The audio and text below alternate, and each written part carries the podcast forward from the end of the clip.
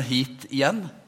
Eh, det er jo ikke så verst, det, å faktisk bli invitert tilbake etter å ha jobba her i en del år. Da har en iallfall ikke ødelagt sånn altfor mye den stunden en var her, eh, sannsynligvis.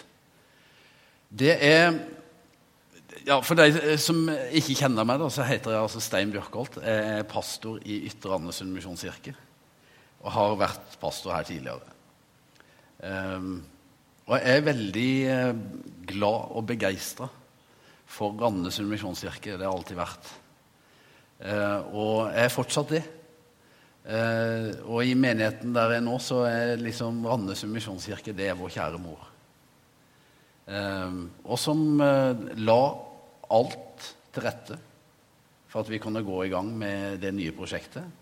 Og at det nå i dag har blitt en, en levende menighet. Som vi er utrolig takknemlige for eh, det som denne menigheten har betydd.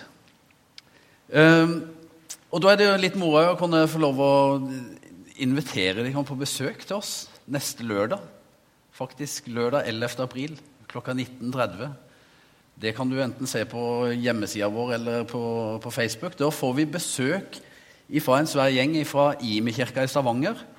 Eh, og det jeg har lyst til å si, det er, det er noen av de eh, sangerne, musikerne, lovsangslederne som eh, holdt på å si, ligger helt i front i Norge. Altså, de, er,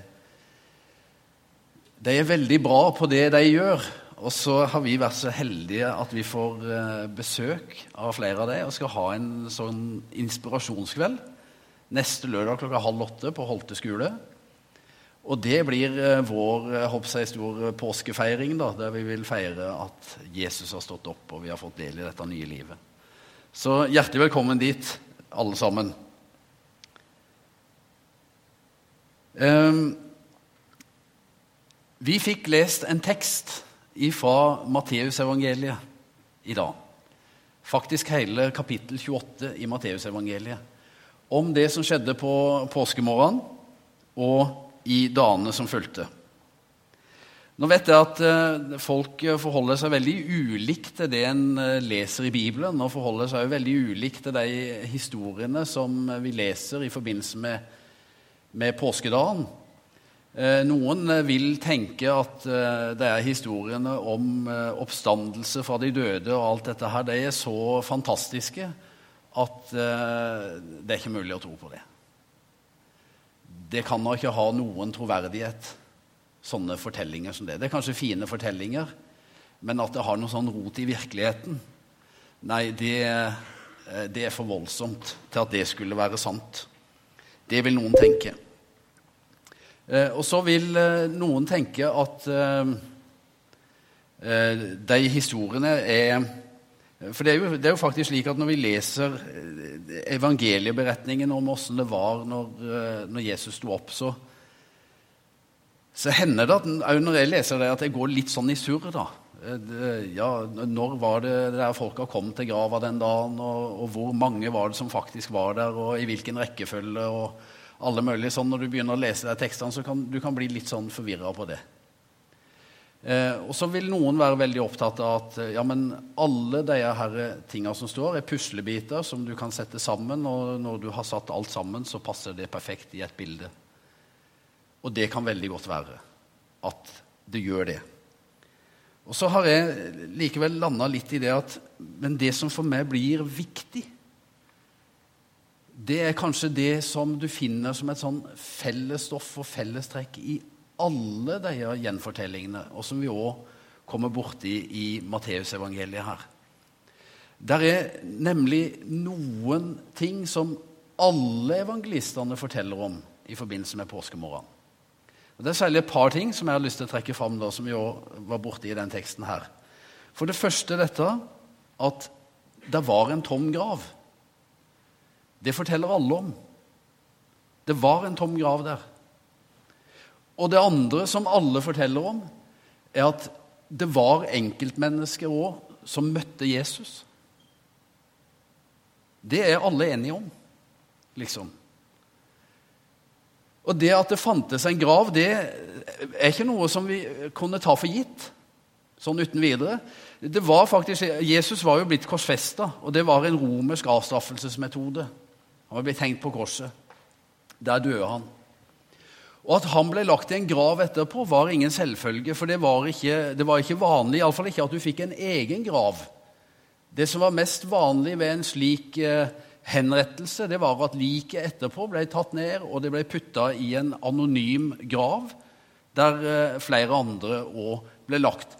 Eller enda verre, det ble bare overlatt eh, der eh, på henrettelsesstedet til at villdyr og annet kunne komme og fortære liket. Det var det som var det vanlige. Da er det interessant å legge merke til i evangelieberetningen at alle fire evangelistene er også enige om det, at det var en mann som het Josef fra Arimathea, en rik mann fra Arimathea som het Josef, som det også ble sagt at var en av jødenes rådsherrer. Han kom etter at Jesus var død, og ba om å få liket av Jesus. Så Jesus kunne bli lagt i en grav. Vi vet det at ifølge jødisk tradisjon så var, det, så var det viktig at alle døde ble gravlagt. At de fikk en ordentlig gravleggelse. Sjøl de som var blitt eh, dømt til døden og henretta som forbrytere, så var det vanlig å gi dem eh, en grav.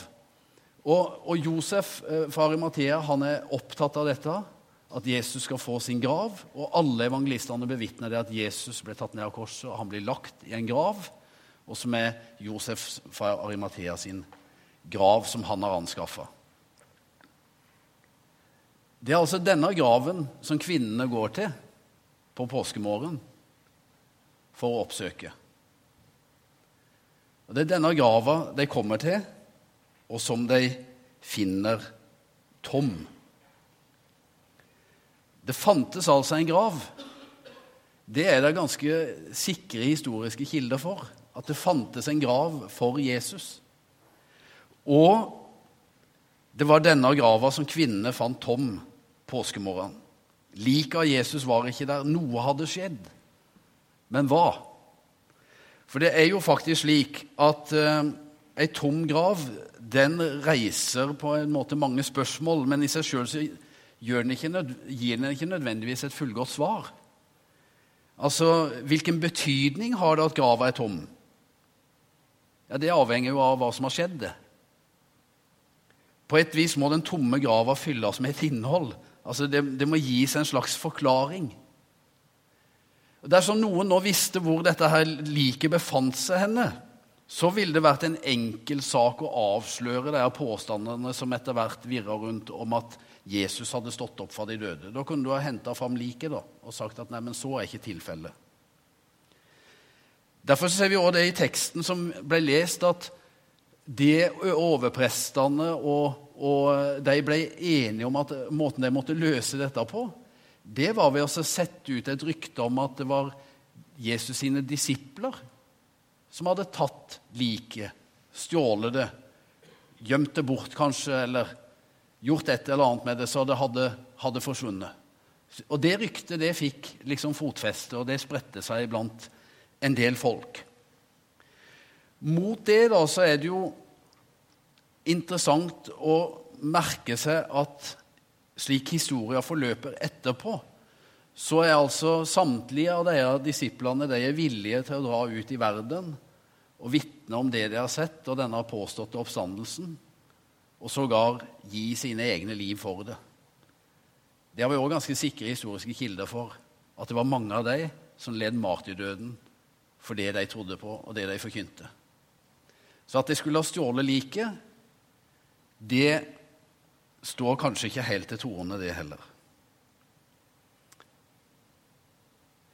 Og så er det slik, da, i alle evangelieberetningene så er de jo enige om at de første som kom og var vitne til den tomme graven, og som òg var de første som møtte den oppstandende Kristus, som hevda å ha sett ham, det var kvinner.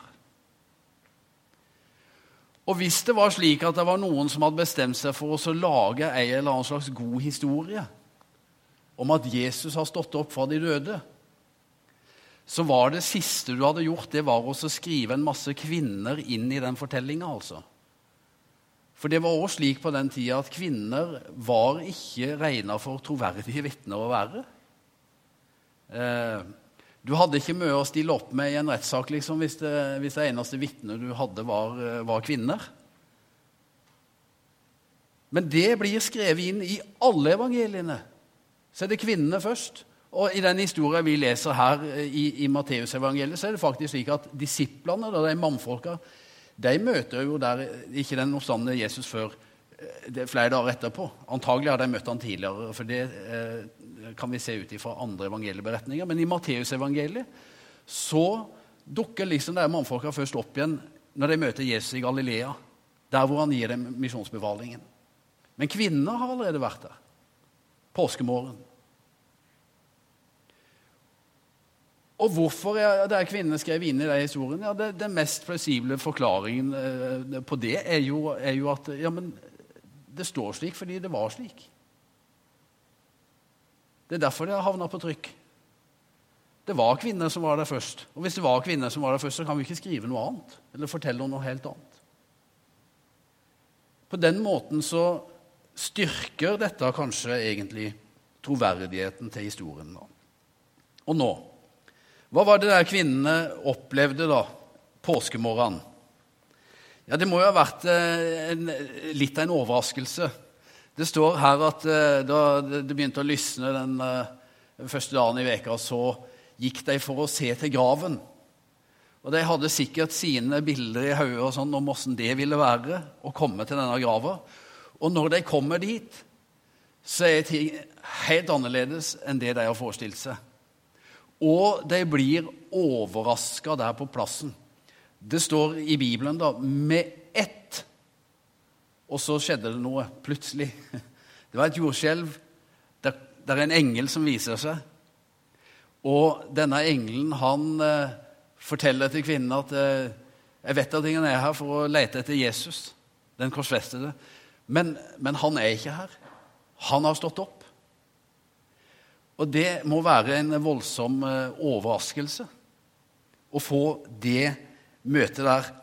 Og så får de beskjed om å gå av gårde til disiplene med denne beskjeden om at Jesus har stått opp. Og de legger av sted i full fart. Og så står det 'Å, se'. Og da er det igjen sånn Oi, plutselig. Oi, se. Der kom Jesus imot deg. Og Da skjer altså det at eh, de som kom for å se til ei grav, opplever i stedet at han som skulle ha ligget i grava, kommer mot deg. Vær hilset, sier han. Nesten liksom God morgen. Hei igjen. Det må ha vært litt av en overraskelse.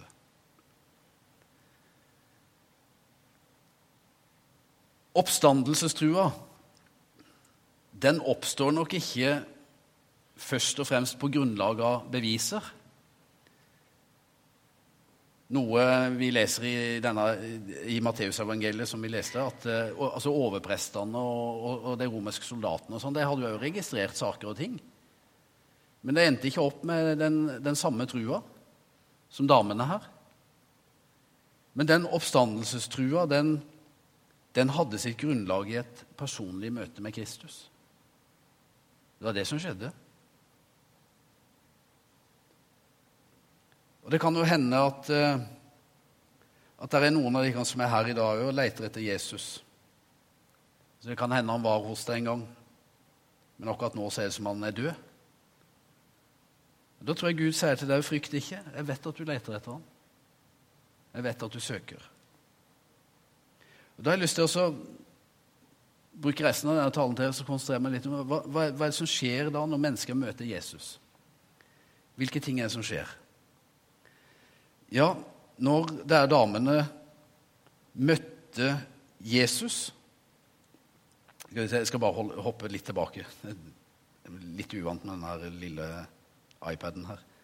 Ehm, nei, eh, det var dette med at de plutselig møter Kristus. Det var, var, to ting som skjedde. For det første så møter de denne engelen, og deretter så møter de Jesus. Og Det var det jeg ville stoppe litt opp med.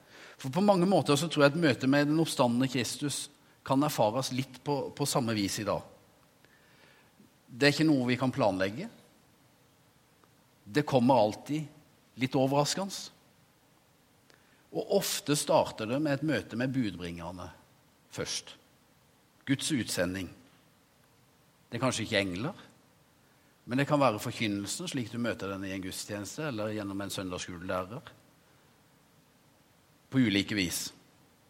Og steiner som tidligere holdt Kristus skjult, rulles til sida. Grava til en død Jesus eller en død tro åpnes, og evangeliet forkynnes. Og så plutselig så skjer det. At de som kom for å se til ei grav, opplever at han som skulle ha ledet den grava i stedet, kommer imot dem. Møter deg. vær hilset. Det var det jeg hadde lyst til å si til deg òg, at det, det, kan være at det òg er noe som noen kan få erfare her og nå, nå i dag. Du tenkte om denne troa dette at det, var, det er så dødt. Men midt her så kan den levende oppstandende Kristus komme oss i møte. Jeg tror på det. Og jeg kjenner mange som kan vitne om det. Og Hva er det som da skjer i møte med Jesus? Ja, Det første som skjer, det var jo at disse kvinnene da, de, de, de, falt ned for føttene hans og tilber ham. Det tenker jeg, det er, det er kanskje det påskemorgen handler om eh, framfor noe. Altså Påskemorgen er den dagen vi får lov å stå opp, for deretter å bøye oss ned. Falle på kne framfor Han som er den oppstandende Herre og Frelser. Det er akkurat som at de forstår lenge før han sjøl har sagt det, at han som står foran meg nå, han har all makt i himmel og på jord. De forstår at han er Gud, at han er verdig å tilbe som det. Og Det er interessant å legge merke til at Jesus han irettesetter ikke disiplene for at de tilber ham, eller kvinnene her for at de tilber han. Og Den samme Jesus han har tidligere i evangeliene sagt at det er bare Gud du skal tilbe. Djevelen utfordrer han jo en gang vet du, når du leser Matteus kapittel 4, og han sier at hvis du bare vil falle ned for meg og tilbe meg, så skal du få alle verdens riker og alt mulig sånt. Så irettesetter Jesus djevelen og sier han, det er, bare, det er Gud du skal tilbe. Ingen annen. Men når menneskene altså faller ned fra hans føtter og tilber han, så er det ingen irettesettelse. For han er Gud. Han er sann Gud. I forrige uke så så døde en av mine åndelige forbilder. Eh, han var søndagsskolelærer da jeg var liten. Og så var han en av lederne i jaktlaget vårt. Eh, og på 70- og 80-tallet så eh, var han vel den som felte flest elg i jaktlaget vårt, tror jeg. Så han var, jo, han var jo en helt, og jeg ser han liksom for meg der han står nede i ei blaut myr, stående ved sida av en elgokse som han har felt. Men jeg kan også huske åssen jeg som ung gutt en gang forvilla meg inn på kjøkkenet på forsamlingshuset hjemme på Vegårshei og havna midt oppe i bønnemøtet. Og der var Per sammen med flere andre voksne mann, mannfolk i bønn. Og Det som eh, gjorde et sånn utslettelig inntrykk på meg, det var at der lå de på kne ved hver sin stol. Alle mann. Eh, staute, sterke karer. Ekte mannfolk som du oste respekt av. Altså Ga de oss beskjed om noe mens vi var på jakt? eller et eller annet sånt. Altså Vi kunne fly over den ene heia etter den andre bare på de sin kommando. Det var, det... Men her inne på kjøkkenet på forsamlingshuset, der hadde de bøyd sine knær.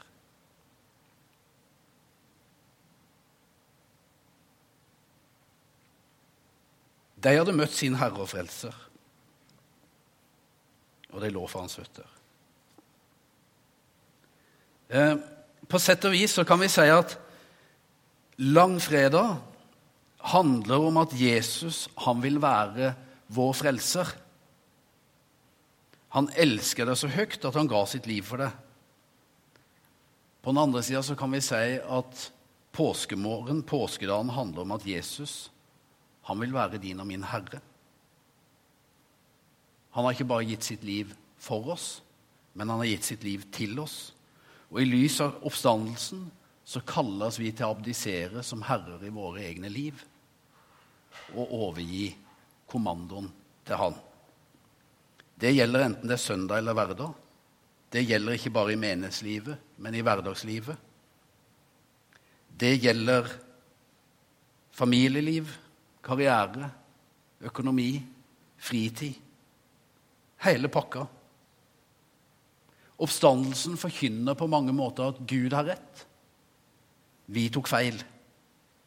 Oppstandelsen forkynner at det er Gud og ikke vi som vet best, og som sitter på den beste løsningen når alt kommer til alt. Og I sann tilbedelse, idet vi kaster oss ned framfor Jesu føtter, i den sanne tilbedelse så ligger det alltid en erkjennelse av hvem vi sjøl er, og en anerkjennelse av hvem Jesus er. Det er noe av det første som skjer i et møte med Jesus. Vi faller for hans føtter i tilbedelse. Det andre som skjer, det er at vi sender oss av gårde med de gode nyhetene. Skynd dere av sted, sier engelen til kvinnene. Han er stått opp fra de døde. Og de løper for å fortelle det, står det. Og Seinere, når eh, disiplene møter Jesus i Galilea, så sier han, 'Gå derfor og gjør alle folkeslag til disipler.' Han sender dem ut. Det må ha vært litt spesielt for disiplene. da. De hadde jo svikta Jesus, egentlig på det groveste. De, de stakk av liksom når det ble hett. Så forsvant de. Og nå skal de bli fortalt at Jesus er tilbake. Det er egentlig litt spooky. What? Hva gjør, hva gjør vi nå? Jeg, tror fort jeg hadde tenkt det. Eh, og så får disse kvinnene da beskjed om Gå og si til mine brødre, sier Jesus. Gå og si til mine brødre. Han er ikke ute etter å ta noen.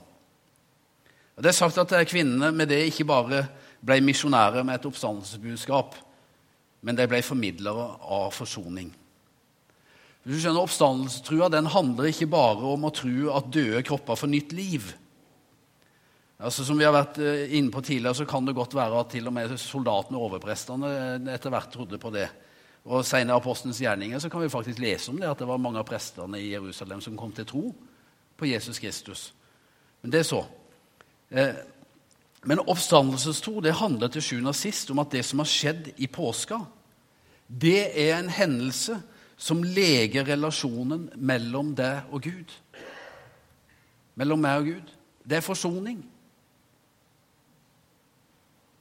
Det betyr at du gis en ny sjanse til å være den personen som Gud har skapt deg til å være. Påska handler om at Jesus, Guds enbårne sønn, skilles fra sin far. Min Gud, min Gud, hvorfor har du forlatt meg? roper han på korset. Slik at alle mennesker gjennom han skal forsones og gjenforenes med sin himmelske far. Påska er at Jesus, vår storebror, han har sagt mens han hang på korset, det er fullbrakt. Jeg har fiksa det. Jeg har ordna det. Derfor trenger du ikke å gjemme deg lenger. Gå og si til brødrene mine. Gå og fortell det. Du kan komme fram fra hjemmestedet ditt nå.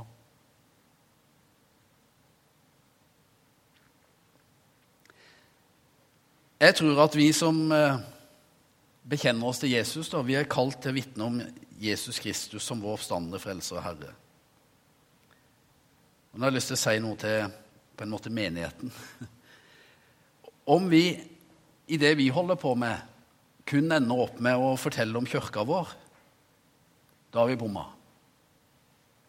Altså, For vi har jo så gode tilbud til barna hos oss.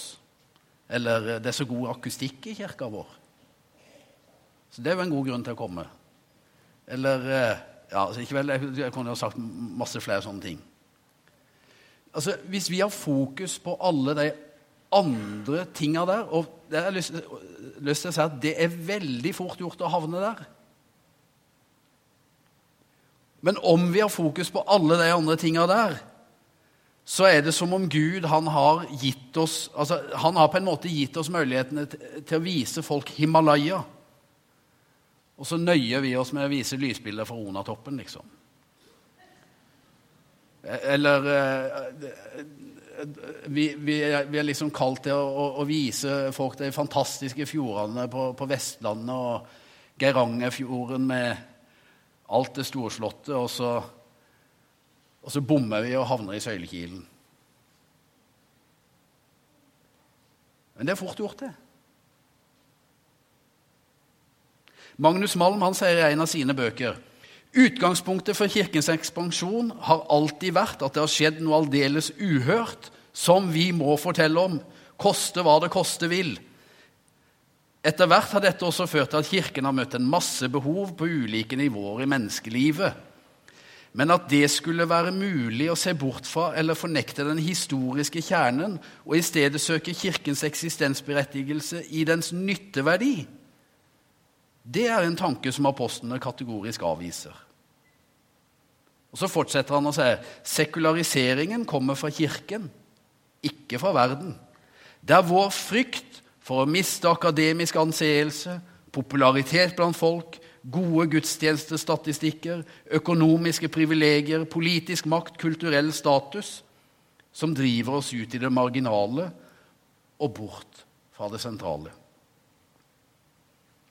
Alle strategier og forsøk på å få Kirken ut av sin marginale posisjon i samfunnet vil uten videre mislykkes inntil vi går til bunns i vår egen bekjennelse og igjen definerer Kirkens vesen ut fra den. Og så, avslutter Magnus Malm med å si veien til en apostolisk kirke går gjennom sannhetens nåløye. Så roper han ut.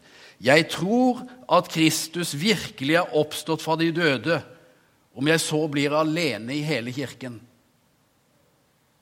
Det er den radikale bekjennelsen. For det er det det handler om, og det er det vi samles om. At Jesus Kristus har stått opp. Det er det som er håp for denne verden. At Jesus har stått opp fra grava, han har overvunnet døden. Og han har gitt oss muligheten til å få del i et helt nytt liv. Ja, det evige liv. Det er det dette handler om, ikke noe annet. Jeg husker når jeg vokste opp, jeg skal avslutte nå, men jeg husker når jeg vokste opp, så hadde vi, vi hadde flanellograf da, på søndagsskolen. Nå har vi for så vidt det i Ytre Ansøy misjonskirke det funker fortsatt.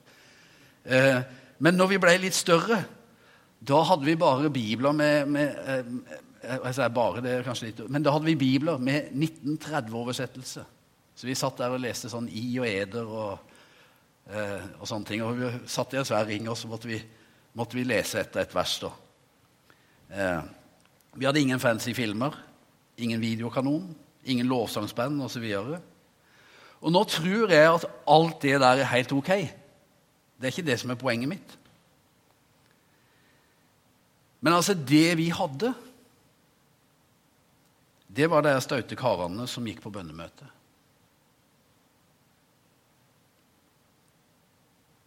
De var jo lærere på søndagsskolen. Og de hadde noe å fortelle. Og det er ingenting i kirka, det er ingenting i menigheten som kan erstatte vitnesbyrdet om det personlige møtet med den oppstandende Jesus Kristus. Ingenting. Og Det er derfor, nettopp derfor tilbedelsen av Jesus er så viktig i kirkene våre.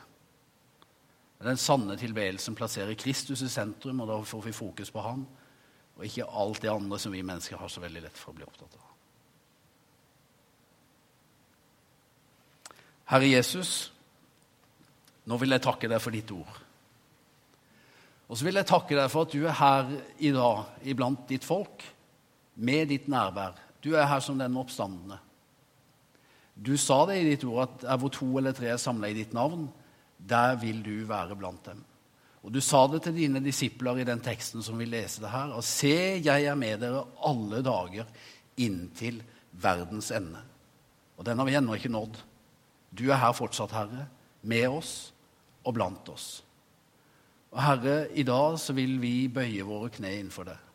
Og så vil vi bekjenne at du er vår frelser, og du er vår Herre. Ja, du har all makt i himmel og på jord. Vi bekjenner det, og vi anerkjenner deg som vår Gud. Og så vil jeg be, Herre, for den som leiter, for den som søker, at du må komme det mennesket, den personen, i møte. Amen.